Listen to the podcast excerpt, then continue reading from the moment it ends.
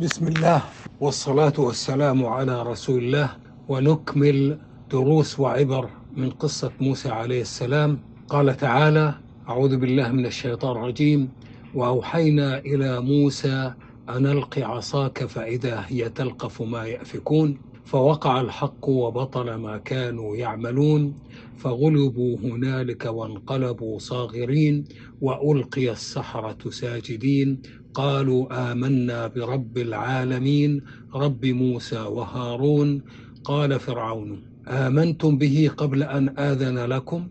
إن هذا لمكر مكرتموه في المدينة. لتخرجوا منها أهلها فسوف تعلمون. لأقطعن أيديكم وأرجلكم من خلاف ثم لأصلبنكم أجمعين. قالوا إنا إلى ربنا منقلبون. وما تنقم منا إلا أن آمنا بآيات ربنا لما جاءتنا. ربنا ربنا افرغ علينا صبرا وتوفنا مسلمين. سورة الأعراف الآيات من الآية 117 إلى الآية 126 ولاستكمال جزء من المشهد من قصة موسى عليه السلام ونتعلم منها الدروس والعبر ونستلهم العبر. سنكمل الآيات من الآية 117 إلى الآية 126 ونبدأ في الحديث عن المعنى الإجمالي للآيات السابقة. يخبر تعالى أنه أوحى إلى موسى بأن يلقي عصاه بعدما ألق ألقي بعدما ألقى السحرة حبالهم وعصيهم فإذا هي ثعبان حقيقي يأكل ما كان ألقاه السحرة مما أوهم الناس كذبا أنها حيات فظهر حينها الحق وبطل ما كانوا يعملون فغلب عند ذلك الجمع السحرة وفرعون وقومه وانصرفوا أذلاء حقيرين وسجد السحرة لربهم بعد أن رأوا عظيم قدرته وقالوا آمنا برب العالمين رب موسى وهارون. قال فرعون للسحرة أآمنتم له؟ قبل أن أعطيكم الإذن بذلك إن هذا الذي فعلتموه حيلة اتفقتم مع موسى عليها. لتخرجوا أهل هذه المدينة منها فسوف تعلمون ما سأفعل بكم من العذاب. لأقطعن من كل ساحر منكم يده ورجله من جهتين مختلفتين ثم لأصلبنكم كلكم أجمعين قال السحرة الذين آمنوا إنا إلى ربنا لراجعون وما تنكر منا يا فرعون إلا أننا آمنا بآيات ربنا لما أتتنا ثم دعا السحرة ربهم فقالوا ربنا أنزل علينا صبرا وأمتنا مسلمين. وتعلمت من القصة أن الله قد أوحى إلى موسى بعد أن ألقى السحرة حبالهم وعصيهم أن ألق عصاك وأن الله معهم يسمع ويرى. وتعلمت من كلمة تلقف في الآية معنيان.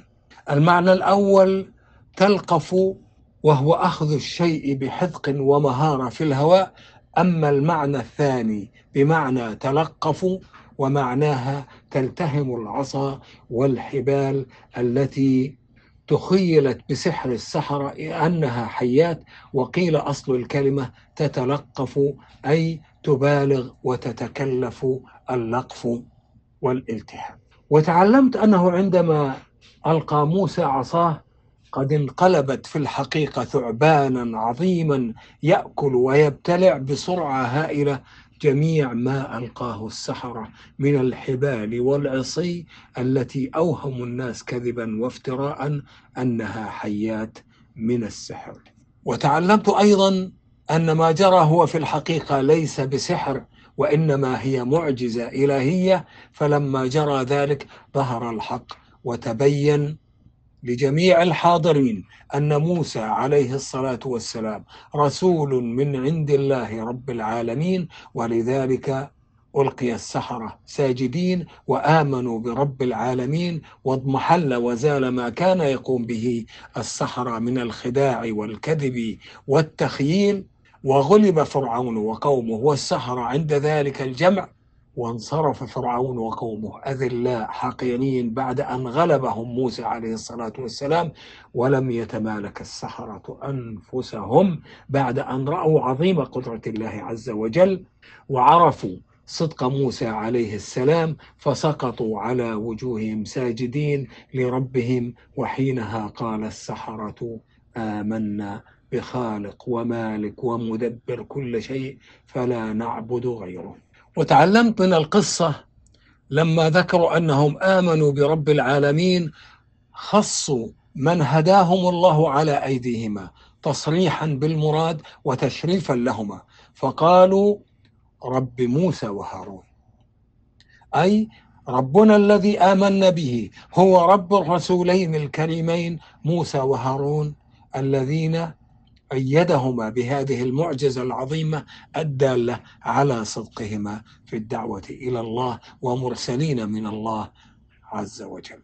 وتعلمت من القصة أن الاستكبار من فرعون حين قال للسحرة لما أعلنوا إيمانهم بالله عز وجل آمنتم بموسى قبل أن أمنحكم الإذن بذلك فهذا سوء أدب منكم وتجرؤ علي ولم يعلم أو يعلم أنه سوء أدب منه مع موسى ومع الله. وتعلمت من قصة موسى حين قال فرعون للسحرة إن ما فعلتموه.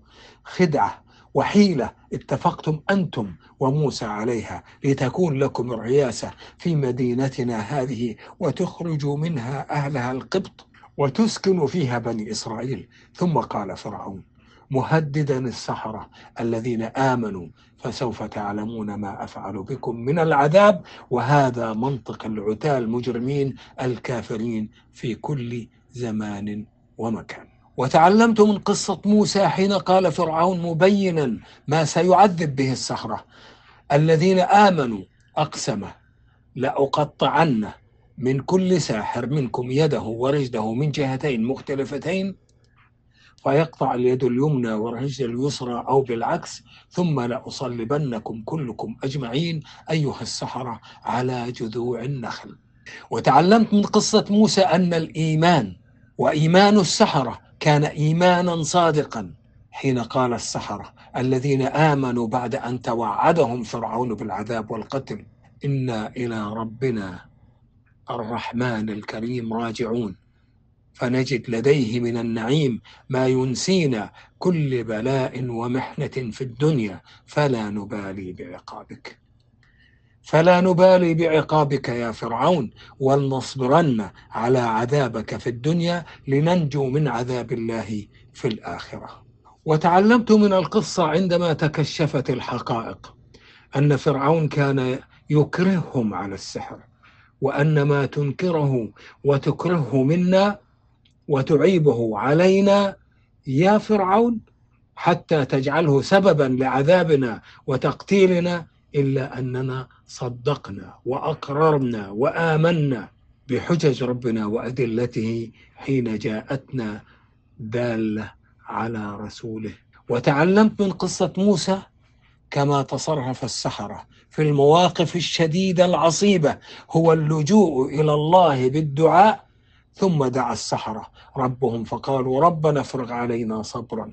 عند تعذيب فرعون لنا حتى نثبت على دينك. وتعلمت من قصة موسى ومن السحرة أيضا. الذين آمنوا صيغة الدعاء. ربنا افرغ علينا صبرا وتوفنا مسلمين حتى نلقاك وأنت عنا راضي. وتعلمت من القصة أيضا أن الإيمان الحقيقي إذا تمكن من القلوب حينها يعلم المؤمنون حقا. أن عقوبة الدنيا أسهل من عقوبة الآخرة وأقل بقاء وأن ما يحصل لهم في الآخرة من ثواب الإيمان أعظم وأنفع وأكثر بقاء فهي دار الخلود.